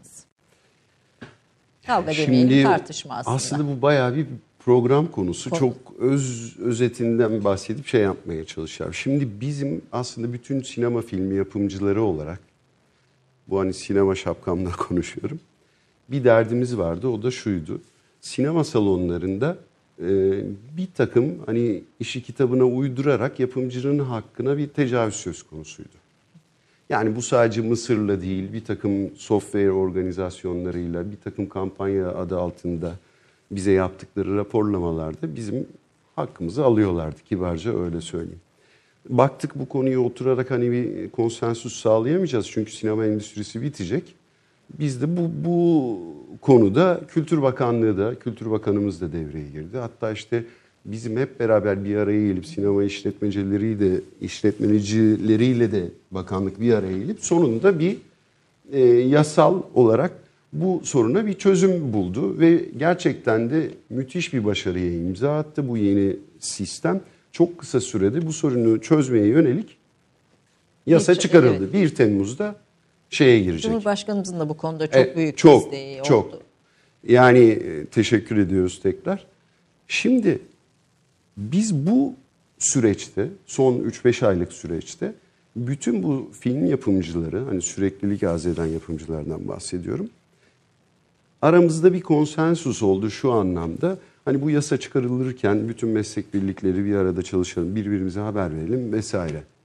Şimdi e, Netflix'e organize işlerin verilmesi ticari bir karar. Yani ilk, ilk Firma başta ben ikiye ayırıyorum bu konuyu. Firmayı ilgilendiren bireysel bir karar. Yani bu yapımcıların şey bir kararı değil, toplu bir karar değil. Çünkü şöyle bize de sürpriz oldu. Biz de o akşam gördük. Ee, şöyle o Ee, bütün o görüşmelerde işte Sayın Cumhurbaşkanımıza çıktınız Evet. işte ba- Köy Bakanlığı'nın toplantılarında görüşmelerde yani bu meseleyi izah edilen yerlerde sinema sektörü Tabii. olarak e, Memnuniyetimizi dile evet, getirdik. dile getirdiğiniz- Yılmaz Bey de getirdi. Yılmaz Bey de vardı. Evet. Hani bir ortak hareket vardı ama Evet. sonra bu e, Sonra satış- bize sürpriz olması sürpriz oldu. Yani e, yoksa e, belki bunun mutlaka muhakkak bir mantıklı bir sebebi vardır onlarca. Biz bunun detayını bilmiyoruz. Çünkü bunlar hani bir yerden sonra herkesin ticari sırrıdır muhtemelen. Yani onu da paylaşmasa da en azından bundan bilgimiz neden sebebiyle ilgili şey olsaydı daha şık olurdu. Fakat hani biz meslek birliği olarak, TESİAP olarak da, e, Yapımcılar Derneği olarak da görüşümüz burada net. Hani yönetim kurulunda net. Hani e, bizim sinema işletmecilerine zarar vermek gibi bir niyetimiz olamaz. Kendi bildiğimiz dalı keseriz. kesmiş olursunuz. Biz Evet. sinema bir de bu yasayı bakanlık hazırlarken Sayın Cumhurbaşkanımız onaylarken sinema işletmecilerini biz hep beraber yok edelim, onları mağdur edelim diye yola çıkmadık. O yüzden kimsenin bir şüphesi olmasın yapımcılar açısından. Hani bizler film önce sinemada izlenecek. Bu, bu, bunu koruyorsunuz. Peki Netflix ne getirecek sizin sektörünüz açısından? Bence Çünkü- ne götüreceği ya evet aslında ne biraz daha- götüreceği de konuşmak lazım. Ona da hazırlıklı olmak gerekiyor çünkü. Ya medya konusu çok uzun bir konu ve ben buna çok kafa yo- yoruyorum. Çünkü şöyle ben çok etrafımda olanlara duygus e, şey duyarsız kalabilen bir kişiliğe sahip değilim. Yani ben hayata şöyle bakmıyorum. Aa, evet işte borcumuz yok. işler iyi. İşte Günümü gün edeyim. Evet günümü gün edeyim. Hayata öyle bakmadığım için bu konuda bir sürü parametreyi düşünerek aslında çok ciddi fikrim, çıkarımlarım ve gelecekle ilgili tahminlerim var ki bu tahminlerimin çoğuna şiddetle katılıyorum. Ee, birincisi medya bir form değiştiriyor, dünyada değiştiriyor. Ama bir de Türkiye'de de değişiyor. Yani hem dünyada olduğu gibi değişiyor hem de Türkiye'de de kendi dinamikleri açısından değişiyor. Ee, ve bunun yanına da teknolojinin değişimini kuru- koymak lazım. Yani artık televizyonlar sadece karasal yayınlardan ya da uydulardan izlenmiyor. Aslında artık dijital tabanlı bir takım besleyi Telefondan, aktarıcılardan ve mobil olarak her yerden izleyebiliyorsunuz. Şimdi bu aynı zamanda bir avantaj ama aynı zamanda da e, sıkıntılı bir dezavantaj. Yani bizim gibi ülkeler için çözülmesi zor bir konu. Çünkü bugün büyük sosyal medya şirketlerinin sahibi ülkelere bakarsanız ya Amerika ya İsrail. Ondan sonra e, Bunun istisnası yok mu hiç? İstisnası var mı? Yok mu? yok Rusya denedi, Yandex'i denedi ama Olmadı. bir şekilde o, o, o boyutta globalleşemedi. Ve aynı zamanda da arama motoru bence dünyanın en önemli şeyi. Arama motoru olarak da biliyorsunuz dünyadaki en büyük arama motoru da evet Google ve Amerika menşeili bir şey. Çünkü zamanında buna yatırım yaptılar ve orayı büyüttüler ve teknoloji bambaşka bir yere geldi ve hayatın içine girdi. Şimdi medyayı ben ikiye ayırıyorum. Bir habercilik var medyada bir de entertainment dediğimiz eğlence ürünleri ve işte e, görsel bir takım fiction içerikler ya da belgeseller var. Şimdi haberde bile artık dünyadaki bu, bu globalleşme dijital platformu da bunların yanında bir eş güdümlü yürüyen bir aslında bir yeni bir emperyalizm ürü- ürününün bir bütünü olarak görmek lazım bu operasyonu. Bu aynen şu. Bu 80-90 sene önce Amerikalıların Hollywood'un gücünü ve film endüstrisinin gücünü keşfetmesi ve buraya yatırım yapması Ve, ve büyük sermayelerin, ve büyük strateji çevrelerin. kurması ile oluşturduğu gücü ve bugüne gelmesi bir form değiştiriyor. Yeni bir yazılım ve strateji var artık. Artık bunu dijital mecra ve internet tabanı üzerinden yapıyor, yapacak.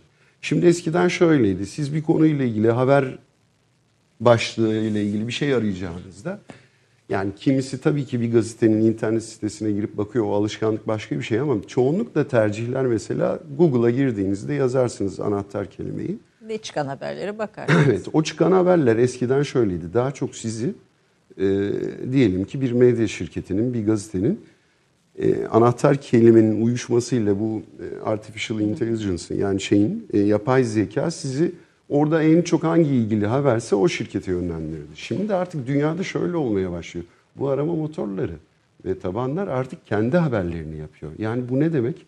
Medya da aslında tek bir, bir tekelleşmenin Hani global olarak Global tekelleşmenin dünyaya aslında. yayılma ile ilgili.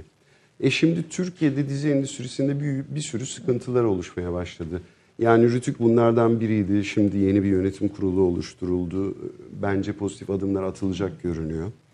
Ee, aynı zamanda TRT'nin rekabette sanki özel kanallarla e, birmiş gibi, sanki derdi özel kanallarla e, rekabet yapmakmış gibi bir anlayışla yer alması zaten küçülen reklam pastası, zaten rating sisteminin getirdiği bazı dezavantajların içine bir de tuz biber ekiyor.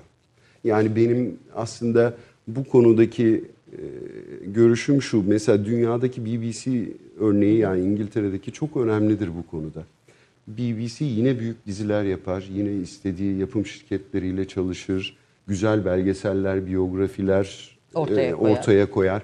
Aynı zamanda tabii ki milli bir propaganda ürünü olan içerikler de üretiyor. TRT'de hem eğitici hem öğretici hem de bizim misyonumuzu verecek şeyleri yapabilir. Ama bunu özel kanallarla, medya şirketleriyle rekabet içerisinde gibi yapıyor olduğunda öbür tarafta yayıncıların diğer özel medya şirketlerinin gücünü açıkçası düşürüyor. Ya bunların hepsi bir handikap. Ama onların bütçesi, ekonomileri küçülünce dizilere ya da Kaliteye programlara yansıyor. ayırdığı bütçe küçülüyor. Bu bütçeler küçüldükçe işlerin kalitesi, niteliği değişmeye başlayacak. E, İyi bütçe her zaman kaliteli iş demek mi peki burada? Aslında bunu bir parantez açarak Her zaman değil tabii ki.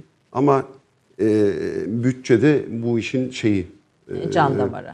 can damarlarından biri. Ben sadece paraya bağlamıyorum. Çünkü e, dünya Fikir, içerik yani dünyada çığır açan şeyler kaliteli fikirlerle olur. Kaliteli paralarla olma. Yani şey, Evet, büyük paralarla olmaz. Ka- Önce kaliteli fikriniz olacak tabii ki ama burada şöyle bir şey var. Bariz reklam endüstrisi, reklam verinin de suistimal ettiği, bu bütün medya şirketlerinin suistimal ettiği bir tutumu da var maalesef. Yani bu da başka bir konu. Başka bir- Netflix'e de gelince Netflix de bu rekabetin içine girip şimdi biz yapımcılara gelip Netflix e, işler istemeye başlayınca bu işin milli tarafının e, gücü bu bütün Azalacak. saydığım parametrelerle parametrelerle azalıyor. Yani Netflix bir küresel sermaye ve finans çevrelerinin oluşturduğu bir sermaye Evet, sahipleri ve tabii. çok büyük bir reklam atağıyla geliyorlar.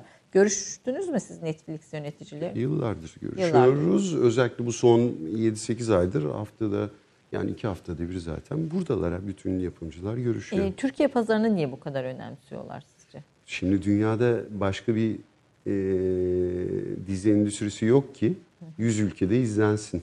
Yani sallıyorum şeyi. Yani Ee, işte Bollywood senin- vardı bir dönem, Güney Amerika dizileri vardı filan. Bunlarla hiç kıyas kabul Amerika'dan sonra Türk dizisi, yani Amerika dizilerinden sonra Türk dizisi ülke sayısı olarak e, daha doğrusu etkisi olarak, izlenme etkisi olarak Türk dizisi Amerikan dizisinin önünde. izlenme etkisi olarak. Tabii ki, Toplumda aynen oluşturduğu etkiyi, Aynen öyle. işte Çünkü modalaşmalara Amerikan dizileri işleri. asıl gücünü Amerika, İngiltere ve Avustralya'dan alıyor ama dünyanın diğer ülkelerinde Türk dizileri daha e, popüler. Ee, biraz bir kültürel yakınlık da buluyor bizimle belki dünyadaki insanlar duygu. Yani yakınlık değil ismi tamam ama bir uzaklıktan daha yakın bir şey. Yani doğru kuramadım cümleyi. Diğerleri kadar uzak görmüyor. Görmüyor anladım. Evet. Ve belki her, kültürel farklar da Evet. tabii burada etkili oluyordur. Bir de Kore var. Kore Kore ile durumumuz ne? Kore dizileriyle. Kore dizileri Türk dizilerinden çok büyük bir fark var. Bir kere bölümleri çok kısa. Yani bölüm süreleri demiyorum sadece. Bölüm sayıları 6 bölüm olan var, 10 bölüm olan var, 15 bölüm olan var. Bir aynı sayıda e, aynı saat e, e, adedi olarak şey üretemiyor. Süresi olarak. içerik 135 üretemiyor. bölüm üretem. Evet. Biz 135 bölüm Evet. üretebiliyoruz. Bir de Kore içeriği çok çerçevesi çizilmiş, altı çizili, kastı ve yapısı gereğiyle de herkesin estetik e, duygusuna hitap eden bir şey değil dünyada. Yani biz biz daha yakın kalıyoruz onlara göre. Siz Kore dizi formatı kullanmıyorsunuz değil mi? Kendi özgün yapımlarınız. Kendi özgün yapıyoruz, Yapımlarınız yapıyorsunuz ama bazı yapımlar Kore formatlarını kullanıyorlar. Evet, yapıyorlar. Evet. Efendim kısa bir ara vereceğiz ve programın son bölümünde diğer merak ettiğimiz soruları Timur Savcı'ya yönelteceğiz. Bir dakika reklam arası. Romandan şiire, tarihten düşünceye, klasik metinlerden özel edisyon çalışmalarına kadar geniş bir yelpaze ve yüksek bir frekanstan yayın yapmayı hedefleyen Ketebe, şimdiden Türk kültür hayatında kalıcı ve önemli bir yer edindi. Edebiyatımızın seçkin eserlerine, genç kalemlere, tarihimizin engin zenginliğine, dünya edebiyatının hem güncel hem de klasik metinlerine, düşünce dünyamızın, maneviyat tarihimizin köşe taşlarına ve gün yüzüne çıkmamış değerlerine ev sahipliği yapmak, Ketebe'nin yayın politikalarının omurgasını oluşturuyor. Dünya standartlarında bir yayıncılık anlayışı ve deneyimli kadrosuyla yola çıkan Ketebe yayınları, kitaba, kağıda ve söze hürmet eden bir medeniyetin parçası olarak her şey geçer, yazı kalır diyor. Reklam arası sona erdi. Bölümdeyiz. Konuğumuz Timur Savcı. Ee, aslında bir sohbeti akıtıp hem kendi hayatınız hem sektörle ilgili geliyoruz. Netflix'in zararları da var demiştiniz. O zararları biraz açar mısınız? Yani Aslında zarar demeyeyim çünkü e, yani getirdikleriyle Götürdük- götürdükleri, var götürdükleri, endüstriyel adından, açıdan. Şimdi e, tam aslında hani aradan önce anlatıyordum. Şimdi dünyada kendi dizi lokal içeriğini üreten aynı zamanda sinema filmleri olarak da söylüyorum bir tek diziler değil. Nadir ülkelerden biriyiz ve bunu dünyaya da izletebiliyoruz. O yüzden bizim buradaki kendi ayakta kalma dinamiklerimizin yok olmaması lazım. Yani buradaki bizim prime time'da yayınladığımız e, Dizileri. dizileri kanalları ayakta tutarak hayatına devam ediyor olması lazım ki sistem birbirini kendi içinde ekosistem birbirini besleyebilsin. üretilebilsin. Yani Evet. arkadan dizi Aha, üretilebilsin, film üretilebilsin. Aradan önce bahsettiğim bir takım handikaplarla ilgili bir toplu bir strateji yapıp e, Türk dizi üretimlerini aslında korumaya almak lazım. Yani e, üretimi teşviklendirici, destekleyici stratejiler yapmak lazım. Bu arada e, devlet, hükümetimiz bunun çok farkında. Ekonomi Bakanlığı, Kültür Bakanlığı gerçekten canı gönülden destekler veriyorlar. Ama maddi ve madden destekler dışında bizim stratejik olarak karar alma açısından baktığımızda eee, bir çalışma yapmamız ve ona göre orada da kararlar alıp o desteklerin ve kararların verilip yola çıkılması lazım. Yani Türk dizi sektörünün e, korunması gerekiyor ve bu korunmanın da Netflix'le birlikte yeni bir portalla aslında bir devrim niteliğinde bir başka bir şeydi Netflix yani. Çünkü Netflix'teki sorun şu. Netflix'e onların the original dedikleri orijinal içerik yaptığınızda siz bizim için bir mal ürün gibi düşünün. Ee, veriyorsunuz dizinizi ve bir daha sizinle hiçbir alakası olmuyor. O artık o şirketin. O istediği yere satıyor. Peki dizi içerikleriyle ilgili yönlendirme yapıyor mu? Şöyle e, yönlendirme gibi değil ama sizin önereceğiniz bir sürü içeriklerden e, kendisi istediğini seçiyor ve değerlendiriyor. Almak istediğini alıyor doğal olarak. Ama senaryo ve işleyiş sürecinde önerilerini, senaryo değişikliklerini, şeyleri istiyorlar tabii ki. Yani orada bir aslında içeriye de bir müdahale, bir kültürel şeyde e, yani bazı konuların pompalanması, bazı konuların çok fazla gündeme getirilmesi gibi bir yönlendirme etkisi de var sanki. Yani bunu direkt şimdi böyle hani... Ve sansür anlamında kastetmiyorum Evet yani bunun elbette. direkt ismini şimdi koymak doğru olmaz ama açıkçası aynı şey benim için gastronomide bile var ki Türkiye için. Yani kültürel olarak biz bütün varlıklarımızı korumak zorundayız. Bu aile yaşantısı açısından da öyle diyelim ki aile değerinin korunması. Yemek kültürümüzün korunması. İşte dizilerimiz bizim milli olan başka nelerimiz varsa o kültürlerimizi korumamız lazım. Bundan şu anlaşılmaması lazım. İçeriğini koruyalım, çerçeveleyelim, yasaklayalım değil. Çünkü dünyaya sattığımız ürünler bizim hani e, hoş sadece hoşlandığımız işler değil. Biz commercial bakmak zorundayız, Evet. ticari bakmak zorundayız. Bu açın diyorum. Ama içerideki o ekonomik sistem işin hala ihraç edilebilir, dünyada izlenebilir olmasıyla ilgili e, bir takım sorunlar, engeller varsa ve Türkiye'deki medyanın küçülmesini engelleyecek, geleneksel medyanın küçülmesini engelleyecek e, önlemler varsa onları bir an önce almak lazım. Belki bu konuda biraz daha duyarlı e, davranmakta fayda var ama bu önlenemez bir gidiş. Yani. Netflix'le ilgili şöyle bir şey söyleyeyim. Şimdi biz televizyon kanalıyla birlikte bir şey yaptığımızda burada, dizi yaptığımızda biz bunu birlikte yurt dışına satıyoruz. Ve bu hem bu memleketin bir ihracat Değeri geliri oluyor. hem de biliyorsunuz soft power dedikleri Amerikalıların. Bir güç, bir kültürel yani bir güç. kültürel güç aslında elimizdeki. Şimdi biz Netflix'e yaptığımızda orijinal içerik şöyle oluyor. Siz işi onlara veriyorsunuz. Tabii ki o içeriğe onların müdahaleleriyle beraber.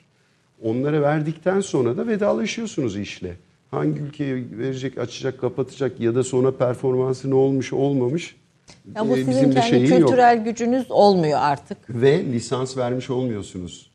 Tamamen e, malı onlara vermiş oluyorsunuz. Öbür türlü biz sadece lisanslıyoruz Bir de tabii burada e, kısıtlama veya sansürleme böyle, bir şeyden söz etmiyorum ama bizim işte Türk kanallarıyla bu işi yaptığımızda burada bir dizi veya bir film bir şey yaptığımızda Türk izleyici kırmızı çizgilerimiz var, anlatacağımız hikayeler var, seçeceğimiz şeyler var. Elbette her Var, ülke tabii. e, her ülke kendisini daha güçlü göstermek ister. E, kendisini kendisine ait değerleri daha ön planda. Zaten tüm dünyanın savaşı da Tabii. bu yani. Böyle bunların e, s- olmadığı bir dünyada yaşamıyoruz. Öyle çiçek böcek falan yok, Yok, yani. evet. Her ülke kendisini daha e, güçlü göstermek için bir şey sergiliyor. Bir politika, bir strateji sergiliyor. Bizim için de böyle bir kapı var. Böyle Evet, bir kapı araladı öyle. ve sizin gibi yapımcılar araladı. Siz başta olmak üzere böyle bir kapıyı. E, burada Türk e, e, televizyonların kalması lazım ki diyorsunuz. Aynen öyle. Bizim bu dizi içeriklerini kendimize göre daha kolay ortaya koymamıza imkan sağlansın. Evet, televizyonların kalmasının dışında eğer hani Aa, bu küçülmenin önüne geçemiyorsak o zaman alternatif platformu yani bu bu içerikleri besleyecek, gösterebileceğimiz alternatif platformu üretmek, dizayn etmek lazım. E, ama sonuçta siz de Netflix'e bir teklif gel yani ki bir sürü teklif de Konuşuyoruz, geliyor. görüşüyoruz. konuşuyorsunuz. Yani bir Üretebilirsiniz. Burada bir sorun görmüyorsunuz ama bunun yanında Şöyle, televizyon şimdi sektörünün kalması gerekir Şimdi benim diyorsunuz. bir sürü şapkam var. Ben iş adamıyım ya. Şimdi aynı zamanda iş adamı olduğum için değişen dünyaya ya hayır deme gibi bir lüksüm yok. Ben sadece milli olarak bu fotoğrafı çekip resmi onu e, diyelim ki Netflix ya da benzeri bir platformu yok etmek, onu yasaklamak ya da onun üzerine çıkmaktan bahsetmiyorum. Bizim yaşamamız için kimsenin ölmesi gerekmiyor. Evet. Biz kendi değerimizi koruyup biz de orada bir şeyler yaşatalım, küçülmeye gitmeyelim ve ileride daha büyük işler yapabilelim. Ee, bu Önümüz- endüstri yok olmasın. Önüm, önümüz açılsın diyorsunuz Evet. ama siz de bir Netflix'e dizi satabilirsiniz. Ee, satabiliriz, bunda bir mahsur yok. Netflix ne istedi şimdiye kadar? E, verdiğiniz diziler oldu mu? Şöyle, e, bizim komedi aksiyonla ilgili konuştuğumuz bir iş vardı, şimdi onu konuşuyoruz. Ee, daha eğlencelik bir iş. Hatta bir sinema filmimiz vardı bizim yaptığımız Ölümlü Dünya diye. Bu sene Cinayet Süsü diye aynı ekiple bir film yaptık. Onların tarzında biraz böyle e, absürt komedi tarzı bir şey e, konuşuyoruz üstüne. Ee, ama onun dışında mesela Netflix'te bizim içeriklerimiz var. Ama dünyaya sattığımız içerikler neyse onları Netflix'e de lisansladık. Bir kısmı var. Bir kısmı orada da. Dizi mi sinema mı deseniz? Ben diziyi daha çok seviyorum. Evet, sinemayı da seviyorum ama e, dizide hep sizi böyle tetikte tutan, dinamik böyle hep adrenalinli bir tarafı var. Çünkü her hafta karne alıyorsunuz. Düşünsenize. Her hafta bir dükkan açıyorsunuz ve her hafta o dükkan battı mı, iflas etti mi, kazandı mı, sınıfı geçti mi diye şey Reytingler elinizde herhalde. Aynen öyle. Reytinglerde. Böyle kızdığınız zaman ne yaparsınız? Tabii çok da elbette kızdığınız. Yemek yerim. Yemek ya çok güzel. E, o gastronomiyi de konuşunca meraklısınız galiba yemeğe. Çok. Evde yapıyor musunuz Banu Hanım'a yardım ediyor musunuz? Ee, yok ama hani şey e, bu şeye benzer. Mesela senaristlere de örnek veririm. Ben iyi senaryodan anlarım ama iyi senaryo yazarım demedim. Tabii, doğru Ben iyi yemekten anlarım ama iyi yapar mıyım bilmiyorum. Denemeye fırsatım olmadı. İzin vermemiş Banu Hanım'a söyleyelim. Size bence bir de mutfağa bir şey yapsın, ayarlasın. Böyle size bir e, yemek e, var mıdır sevdiğiniz bir yemek? Var çok var. Adanalı olduğum için hani benim işte kebabı söylemiyorum bile Tabii o ama artık rutin. işte mesela içli köfte benim için Adana usulü hani haşlama içli köfte e, iyi çok seviyorum. Ama aynı zamanda böyle enteresan tercihlerim de var. Mesela kıymalı karnabahar da çok severim. Anladım. Karıştırmıyorum ama sinirlendiğimde yemek yiyorum diyorsunuz. Sinirlendiğimde daha pis şeyler yiyorum. Daha böyle Fa- fast food falan en yenilmeyecek şey. fast food değil de hani daha böyle kilo yapıcı diyeyim. Pisten kastım. Evet, hani evet. daha Şekerli böyle filan. Şekerli, ekmekli falan herhalde. O, o, o diyorsunuz kısmen Psikolojik bir vaka sa- netice. sakinleştiriyor. Var mıdır böyle kırmızı çizgileriniz? Yalan söylenmesine tahammülüm yok. İşle de ilgili olsa kırmızı çizgi o.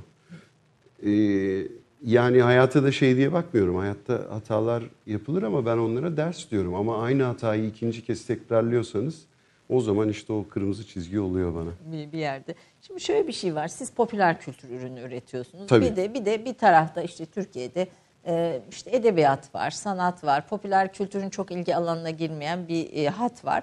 Ve sizin tabii ürettiğiniz popüler kültür ürünleri içinde de hayatın o şatafatlı kısımları var. Evet. İşte güzel giysili kadınlar, evde ayakkabıyla dolaşan Tabii. e, şeyler, insanlar, işte topuklu çizmeler, şık. Yani sonuçta bir de Türk insanı var yani hepimiz. Tabii. Yani hiçbirimiz öyle değiliz o, o dizilerdeki ve hayatlarda öyle e, de, de devam etmiyor ve sürekli bundan dolayı da bir şey alıyor, alıyor yöneltiliyor bu dizilere. İşte hayatı yansıtmıyor, işte edebiyatı yansıtmıyor, Evet. sanatı yansıtmıyor, gerçek değerleri yansıtmıyor. Bu eleştirilere nasıl bakıyorsunuz? Biz belgesel yapmıyoruz. Yani ben bir gün e, döküdrama ya da hayalimde var öyle bir şey. Biyografik bir eser yapacak olsam bu eleştiriler o, tamamdır. Ama bu dünyada büyük bir endüstri olmak istiyorsanız dediğim gibi hani her şeyi bizim kişisel beğenimize göre yapamayız. O zaman onu hedeflersek eğer o zaman global dünyaya bir şey Sunamayız. satamayız, sunamayız. Ama tabii onun da bir ayarı var. Yani ben evde e, ailemle izleyemeyeceğim hiçbir şeyi de yapmıyorum tabii ki. Yani, Yani bu da bu önemli kadar bir kriter. Evde ailemle- benim benim benim kriterim bu. Ama onun dışında e, şöyle e, tabii ki Türk insanı evde ayakkabılı gezmiyor herhalde yüzde 99'u. Ama şöyle bir şey var. Görsel olarak da iyi görünmüyor. Mesela başka bir şey daha söyleyeyim. Muhteşem Yüzyılda bizim aramızda büyük tartışmadır bu. Tarih danışmanlarımız doğal olarak diyor ki hayır burada şu şuraya girilince sarayın içinde şey takacaklar. Mutlaka başlıkları, kavukları, şeyleri olacak. Fakat öyle bir ekran proporsiyonu oluyor ki Yüksek kalıyor. şöyle bir enteresan bir resim oluyor. O yüzden biz de, de en son şöyle bir çözüm bulmuştuk. Sadece resmi törenlerde Kavuk yüksek. taktırıyorduk. Diyelim ki işte büyükelçi, bir, bir ülkenin elçisi e, hanedandan e, bir temsilciyle görüşüyor ya da işte padişahla görüşüyor. O zaman e, takıyorduk onları. Her şey yüzde yüz gerçeği uydurursak o zaman e, TV serisi olmaz o yani. E, bir dizi olmaz. Çünkü sıradan bir hayatı anlatmaya kalktığımızda da kimse oturup bunu izlemez. Tabii illaki bir şey. Ama burada tabii kültürel yozlaşmaya e, vesile oldu, kapı açtığı yönünde e, bu dizilerle birlikte gelen eleştirilerden birisi. Bence çocukları korumak için hepimizin çocukları var. O zaman açıp YouTube'a bakalım hep beraber. Bütün gün izledikleri şeye bakalım. Bugün yeni nesile baktığımızda bir tek Türkiye değil dünyanın en büyük sorunu şu. İşte zihniyetler şöyle insanlar genç kızlar şeyler e, e, şey e, marka çanta ya da ayakkabı giymek için ya her türlü tavizi verebilirler. Neredeyse öyle bir nesil büyüyor yani. o nesle karşı biz bu, bu yapım Çok masum kalıyoruz biz onların yanında. mümkün olduğu kadar da tabii süzgeçten geçiriyorsunuz. Kö, kö- yani kötüyü yansıtmak da bazen kötüyü çok ortaya koymak da e, daha kötüyü tetikliyor, daha kötü olanı tetikliyor. Orada da bir mutlaka ayar e, olması Kötüyü gerekiyor. ortaya, ortaya koymakta sıkıntı yok da kötünün kötü olduğunu göstermediğinizde sıkıntı var. Bu açık kanallar, televizyonlar için söylüyorum. Yani e, dijital platformlar için demiyorum ama mesela orada şöyle bir şey var. Birisi diyelim ki e, tütün ürünü kullanıyor ya da işte kötü bir şey yapıyor ya da uyuşturucu taciri rolde.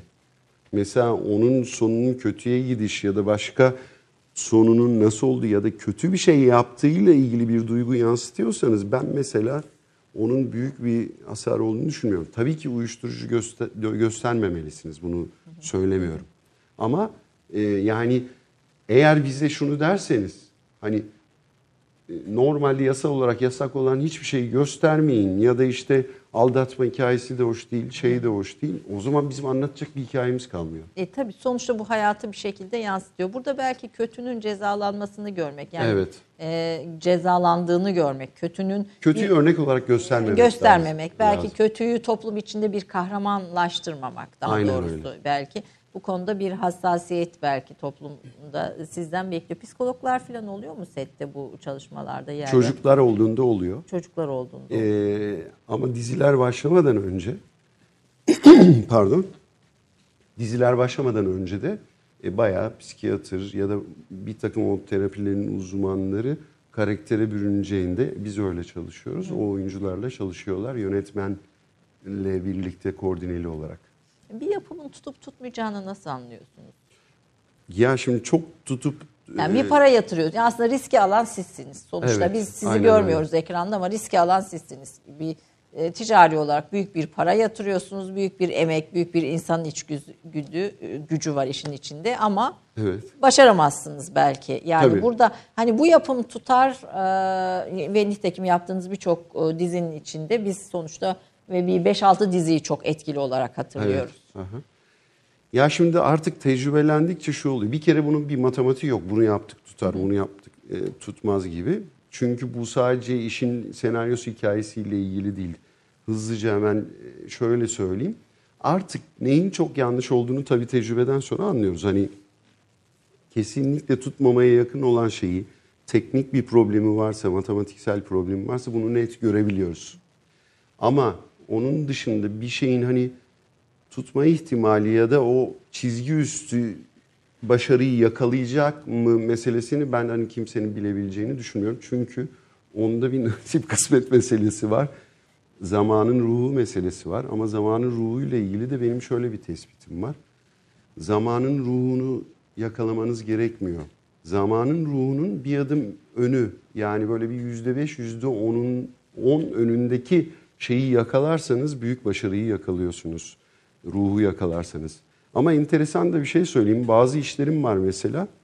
Zamanın ruhunun çok önünde yaptığınızda da çalışmıyor. Tutmuyor değil mi o Evet, zaman da evet. kitlenin izleyicinin çünkü izleyici beğenisine bir şey sunuyorsunuz. Aynen öyle. İzleyici izlerse alıyorsa eğer o iş başarılı yoksa Tabii. e, başarılı olmuyor. Hangi iş bu zamanın ruhunun ötesinde düşündüğünüz aklınızda var mı? Ee, var tabii ele alış biçimimizle. Mesela Savro'da biraz bence böyle bir iş. Sağır da öyleydi. Ölene kadar diye bir iş yaptık. Birazcık o da öyle. İşte Derdes diye bir iş yaptım. O öyleydi. Bence Suskunlar bile biraz öyleydi. Biraz toplumu tanımanız gerekiyor. Tabii burada bu işi e, tutar tutmaz derken e, birçok insanla temas ediyor musunuz? E, yani işte bir değişen duygular. Eskiden daha çok ediyordum. Yani edebiliyordum. Şimdi- gençler vesaire beğeniler filan hani böyle bir e, araştırma veya böyle bu bu konuda bir çabanız oluyor mu? Toplumu anlamak için diyelim. ruhsal olarak daha doğrusu kendi içimde kıyametler kopuyor fırtınalar. Öyle bir çabam oluyor. Olsun istiyorum ama öyle bir gündem var ki önümde. Doktor muayenehanesi gibi. Yani bir yerden sonra e, o yüzden biz bir ekibiz. Daha iyi bir ekip oluşturup daha iyi yöneticilerle e, oradan biraz daha beslenmeye çalışıyorsunuz bir yerden sonra. Çünkü ilk yaptığım yıllar ve koştuğum yıllarda cebimden yedim. Çocukluğumdan yedim, Adana'dan yedim. İşte yaşadığım güzellikler, zorluklar, adrenalin bunlardan yedim ama şimdi artık hani iş sayısı, şirket sayısı, sorumluluklar sorumluluklar arttıkça hani daha, Daha formal bir hayata giriyorsunuz. Peki Türkiye'nin geleceğini nasıl görüyorsunuz dünyada? Ben hep umutlu görüyorum. Yani çünkü Türk insanının kodlarında şöyle bir şey var. Bir şekilde duramıyor yine de çalışkan. Ee, bunun çok önemli olduğunu düşünüyorum. Ee, iki, Türkiye gibi badireler an, atlatabilen herhalde dünyada başka bir ülke yok Evet. diye düşünüyorum. Her seferinde ayağa kalkıyor. Evet Yıkılmadım ve yani ayaktayım. yıkılmıyor ve yani hiç olmaz denen şey oluyor. En kötü deprem oluyor. Hani başka bir şey olması. Yani enteresan bir coğrafyadayız. O yüzden ben hep umutlu bakıyorum. Ben hani ekonomik olarak da bazen bize böyle bankacılar gelir hani felaket şeyi olarak gelirler. Şimdi öyle tablolar çiziliyor. Çiziyorlar. Ben o ruha girersek bize eksi yazar diye düşünüyorum. Biz koşmak zorundayız ve önümüze bakmak zorundayız. Biz böyle her şeyi algılarımızı açıp moralimizi bozup bir şey yapmazsak o zaman ben dizi yapmayayım, siz program yapmayın, işte fırıncıda ekmek, Ekmek üretmesin. yapmasın. Olmaz öyle şey. Hayat devam ediyor. Umudu ayakta tutmak ve e, Yüzde yüz. koşmak ve ilerle, ilerlemek gerekir diye düşünüyorsunuz. Ee, hayalinizde bir iş var mı yapmayı planladığınız hani şöyle bir şey yapım hayatımda olsa? diye? Ya var ama kabaca böyle ben hiçbir zaman şu kötü huyum diyebilirim dezavantajım. İş adamı, ticari tarafımı yok sayıp hayallerin peşinden sadece öyle koşamıyorum. Yoksa var hani. Çünkü Türkiye demin de bahsettiğim böyle o kadar badireler atlattı, o kadar büyük olaylar oldu, e, değişimler oldu. Şimdi bunların içinde öyle karakterler, öyle olaylar var ki aslında çok böyle insanın avucunu kaşıyan, yapmak isteyeceğiniz çok böyle hayalimde hikayeler var. Ama bunu ticari bir noktada buluşturmak popüler kültürle çok kolay değil. Ama şu anda işte 100. yıl 19 Mayıs 1919 ile ilgili Cumhuriyet Bayramı'na yetiştirmeye çalışıyoruz. Ee, Halit Ergenç'te bir Atatürk filmi yapıyoruz. Ee, dört gün içerisinde geçen bir film Bandırma. Ee, çoğunluğu Bandırma gemisinde geçen. Ona mesela çok heyecanlıyım. Onu da çok yapmak istiyordum. Dizi olarak da şu çılgın Türkleri çok yapmak istiyordum hayalimde. evet. Tur, e, rahmetli Turgut Özakman'ın. E, fakat bugünkü medya ekonomi bütçelerine baktığımızda e, o büyük bütçeli bir iş. Şu anda öyle bir onu hayata geçirecek bir iklim yok. bir, bu sağ sol kavgaları Türkiye'de bitmez biliyorsunuz. Tabii. Yani çok uzun geçmiş 200 yıla yakında bir geçmişi var aslında bu sağ sol kavgaların. İşte daha batıcı olmak, işte daha doğucu olmak filan. Bütün bunlar e, sizin üretimlerinizi etkiliyor mu?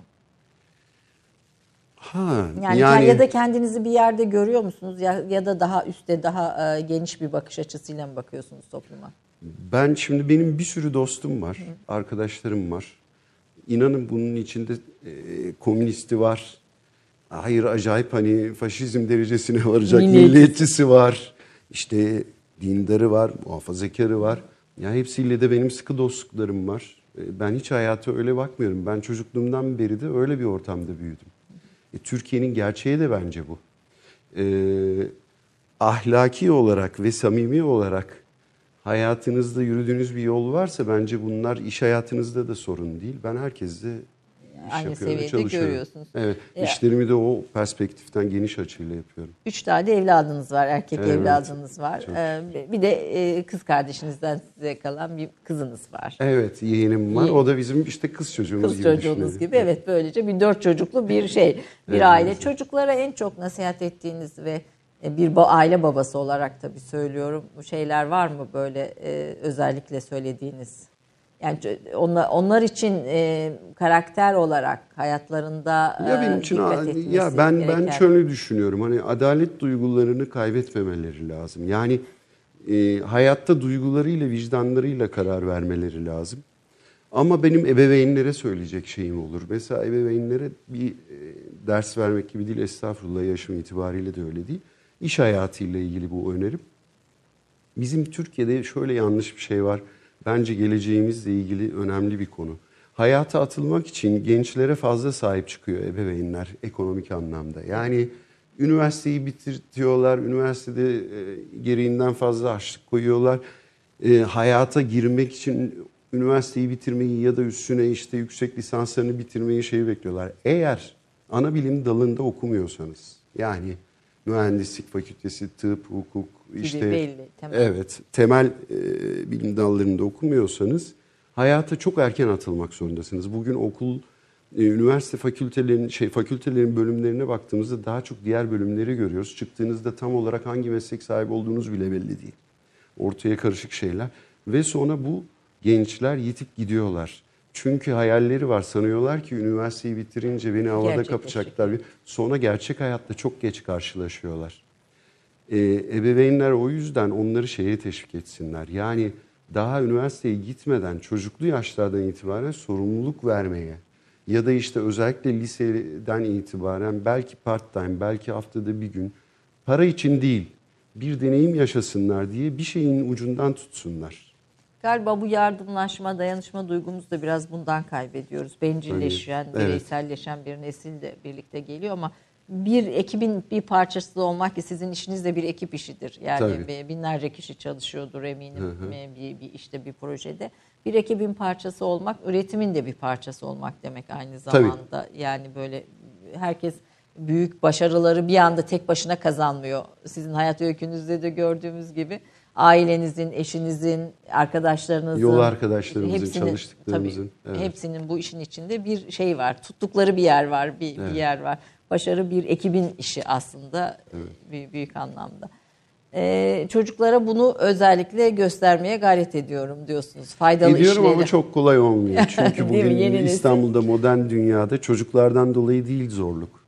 Hani Koşullar. bir fanusta, koşullarda yani okul, ev birkaç da aktivite arasında geçiyor çocukların hayatı. Biz eskiden hayatın içindeydik biz çocukken. Sokaktaydık. Bu bence handikap. Handikap. İnşallah çocuklar da o bunu başka şeylerle telafi edebilirler. E, programımızın sonuna geldik ama son olarak özellikle bu sinema sektörü e, içindekileri söylemek istediğiniz bir şey var mı? Yani sinema ve yapımcılar arasında, sinema sahipleri ve yapımcılar arasındaki bu tartışmada e, işte bu Netflix meselesiyle birlikte daha doğrusu gündeme gelen bir tartışmada e, yapımcılara ve sinema salonu sahiplerine de bir söyleyeceğimiz bir not olur mu? Aslında söyledim ama yani şöyle sinema endüstrisi bu sıkıntıları bir gün yaşayacaktı. Çünkü e, bu boyutta iş üretimi sayısı uzun zamandır yoktu. Ta Yeşilçam'ın o e, çok Kurulduğundan altın çağları beri. dışında dışında. O yüzden ben buna şöyle düşünüyorum. Doğal seleksiyon bazı taşların yerine oturması için normal bir zamanlama ama biz yapımcılar olarak iyi niyetle e, güzel işler üretmeye hedefliyiz ve bunu sinema salonlarında göstermeye niyetliyiz. Sonra tabii ki bir sürü platforma ya da televizyonlara çıkıyor ama bu her zamanki gibi uzun bir süre sonra yer alacak. orada. gerçekleşecek. Efendim çok çok teşekkür ediyorum. Çok güzel bir sohbet oldu. Hem sizi tanımaktan da büyük mutluluk duydum. Aslında bir yazarı hep e, programın başında da söyledim. Bir yazarı tanımak gibi. Hani yazarı tanımakla eserlerini tanımak arasında e, böyle bütünleyen büyük bir şey vardır. e, Bir, bir hat vardır. Bir yapımı dizilerinden e, bir yap, e, dizileri ve onun arkasındaki yapımcıyı tanımak da bu noktada önemli bir şeydi. Türkiye'nin geleceği açısından Türk dizi sektörünün uzun süre yaşamasını temenni edelim. Evet ben de Ee, programa katıldığınız için de ayrıca çok çok teşekkür ediyorum. Yeni fikirler, yeni ürünler, gençlerin dahil olduğu ve Türkiye'yi güzel anlatan işler olsun. Yani elbette Amin güzel diyorum. anlatan derken pembe dünyalar değil ama doğru anlatan diyelim. Doğru anlatan, kültürümüzü veya kendimizi doğru yansıtan işler olsun. Daha nice güzel işleriniz olsun. Amin inşallah. Nice başarılarınızı duyalım diye temenni Ee, ediyorum. Efendim bir mukavele ediyorum. Çok teşekkür ederim. Ben teşekkür ediyorum. Efendim bir Türk kahvesinde o çok sevdiğimiz seyredilen dizilerin arkasındaki bir yapımcıyı biraz tanımaya çalıştık. Onun dünyasını size aktarmaya çalıştık. Ve daha aslında bu programda konuştuğumuz tartışmalar toplumda uzun süre devam edecek. Biz de bu tartışmaları izliyor. Belki yer yer bu platforma, bu programa da getiriyor olacağız. Ee, bugünlük bu kadar diyorum efendim. Hoşça kalın, iyi günler.